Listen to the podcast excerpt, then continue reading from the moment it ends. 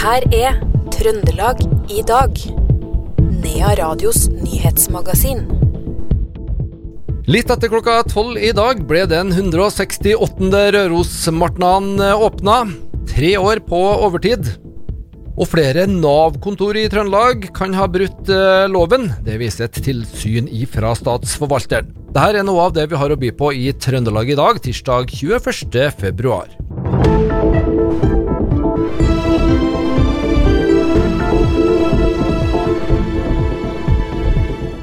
Litt etter klokka tolv i dag så kunne fylkesordfører Toro eh, Sandvik erklære den 168. Rørosmartnan eh, offisielt åpna. Riktignok tre år på eh, overtid. Sandvik syntes det var stor stas å få være med på det her foran tusenvis av tilskuere på den solfylte Malmplassen. Fantastisk. Jeg har gjort det før òg, i 2007, så det var andre gangen. Det var litt kaldere, da, men det er en fantastisk stemning. Og så var jeg jo litt sånn spent på om folket kommer tilbake, om de har fått seg nye vaner etter pandemien. Men eh, det viste seg jo at med været og ikke minst alle de frivillige og kulturen på Røros nå, så er de jo lokka fram. Det var jo stappfullt her.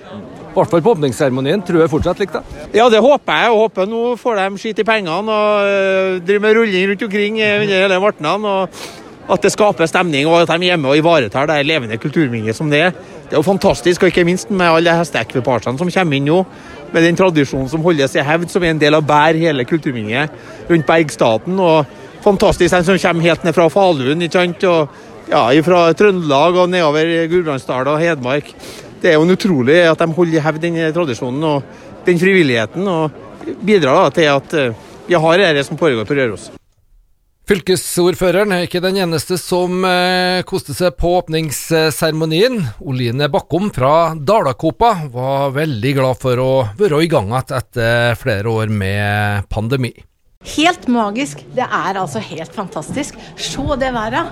Og så utrolig mye folk, og så mange som har lengtet etter at Martan skal liksom komme tilbake. Etter denne koronatida er dette her bare helt utrolig. Så det var veldig deilig følelse. Men, ja, men du, har, du har, gjort det før? Du har stått på åpningsseremonien ja, på Martland før, så du visste ikke hva det gikk ut på? Ja, ja. Jeg har gjort det, vet du. Blir det annerledes i år? Også at det, det, er jo tre år siden sist, da. Det var med litt spenning, i hvert fall, som, som jeg tenkte på Martnas åpning. Jeg tenkte at jeg eh, kommer det til å komme like mye folk som det bruker å gjøre? Eller er det annerledes? Men det var det jo absolutt ikke. Det var bare utrolig magisk, som sagt. Dalakåpa har eh, konsert i Martnan. Betyr det at uh, Oline òg har adresse Røros de nærmeste dagene? Ja, det har jeg. Heldigvis hele uka. Ikke bare oppdrag, du får kose deg litt da? Ja, jeg skal passe på å gjøre det. Rolf Ferhagen òg, du hadde en eh, del oppdrag du også. Du, hadde, du er skuespiller og står her med mudden av tid. Betyr at det er godt og varmt? Det var veldig varmt i mudden. og Det var været, sola og folket. Det blir jo varmt bare å se. Så vi har kosa oss skikkelig på scenen i dag. Vi gjorde det. Et lite snutt var det, men eh, fem-seks minutter, men det er nok.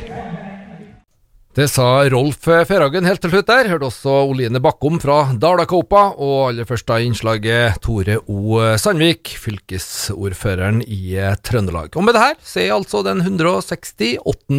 Rørosmartnan i gang, var helt fram til og med lørdag.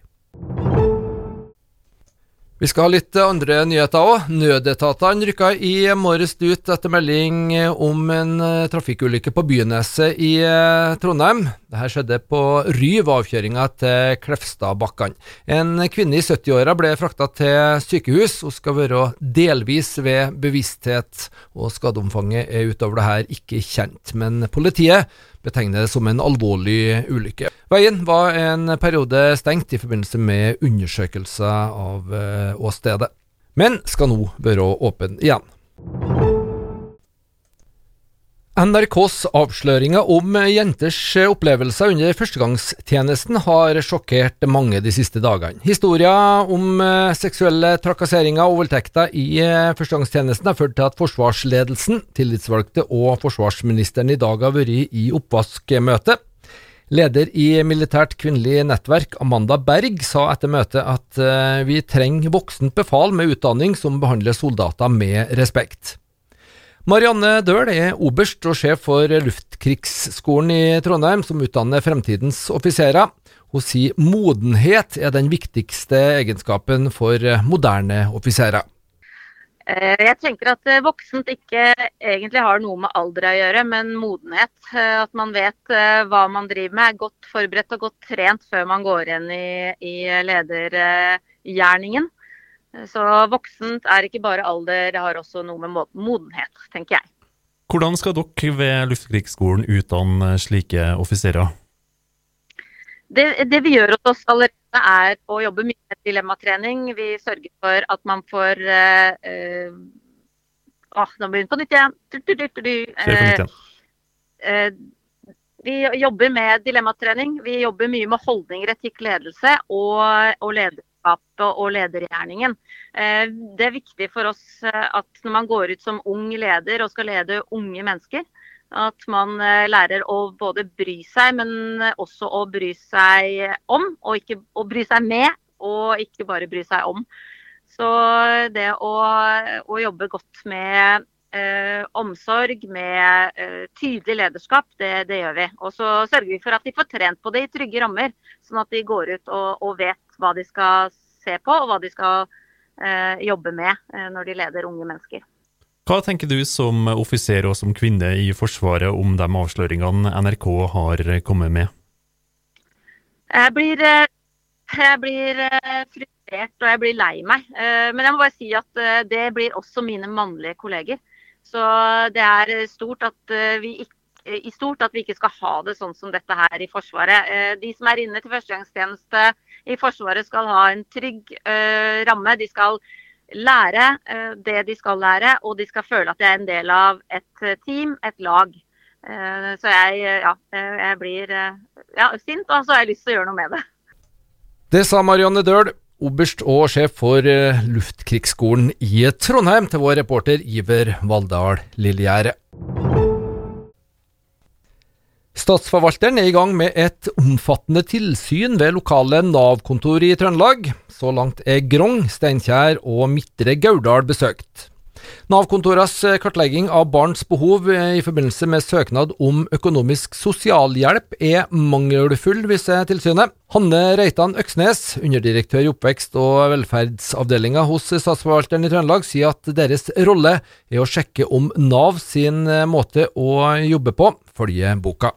Statsforvalteren har jo en rolle som tilsynsmyndighet inn mot de sosiale tjenestene i, i Nav-kontoret. Eh, det betyr at vi går inn og sjekker om Nav sin måte å jobbe på i enkeltsaker og på systemnivå er lovlig og i samsvar med det vi kan forvente. Og her gangen så gjennomfører vi flere tilsyn på samme tema, som handler om Nav-kontorene gjør forsvarlige eh, vurderinger av barn og familiene sine behov for sosialhjelp, når en av de voksne i familien søker om det. da. Hvorfor eh, gjennomføres de her tilsynene? Helsetilsynet gjennomførte i 2020 og 2021 en risikovurdering av de sosiale tjenestene i Nav. og Det området man fant der det var høyest risiko for svikt, dvs. Si at sannsynligheten for svikt var ganske stor, og en eventuell konsekvens av svikt for de det gjaldt, kunne være alvorlig. Det var knytta til det her med om barns behov blir tilstrekkelig kartlagt i forbindelse med at foreldrene søker om sosialhjelp. Så På bakgrunn av den eh, risikovurderinga eh, så Eh, beslutta man at det her med eh, barns behov skulle være tema for et landsomfattende tilsyn i 2023 og 2024, som gjennomføres av statsforvalterembetene over hele landet. Det sa Hanne Reitan Øksnes, underdirektør i oppvekst- og velferdsavdelingen hos eh, Statsforvalteren i Trøndelag, til reporter Iver Valldal Lillegjerde. Så til russetida, som bør flyttes til etter eksamen. Det sier Høyres ungdomskandidat til fylkestingsvalget, Vegard Sem, til Adresseavisa. Han får støtte fra Kent Ranum, Høyres ordførerkandidat i Trondheim. Også russepresident Julie Nikolaisen på Tora Storm videregående skole støtter forslaget. Rusten kjenner på mye uro med tanke på eksamen. Derfor tenker vi at russetida som eh, en viktig og tradisjonsrik feiring heller bør starte etter 17. mai, med alle eksamenene unnagjort, sier Nikolaisen til Adresseavisa. Så til utelivsbransjen. Fellesforbundet sier at deres medlemmer på Egon-restauranten ikke ønsker, å, ønsker at ledelsen skal vite at de er fagorganisert. Det sier representanter i forbundet til Adresseavisa. Dan Robert Halshamn i Norrein-gruppen, som driver Egon-restaurantene, nekter for det her. Han sier Egon har respekt for organisasjonsfriheten. Restaurantkjeden er ifølge avisa blant de store aktørene på markedet som er uten tariffavtale. Det var det vi hadde å by på i Trøndelag i dag, tirsdag 21. februar. Husk at du òg finner dette programmet som podkast. I studio i ettermiddag, Per Magne Moan.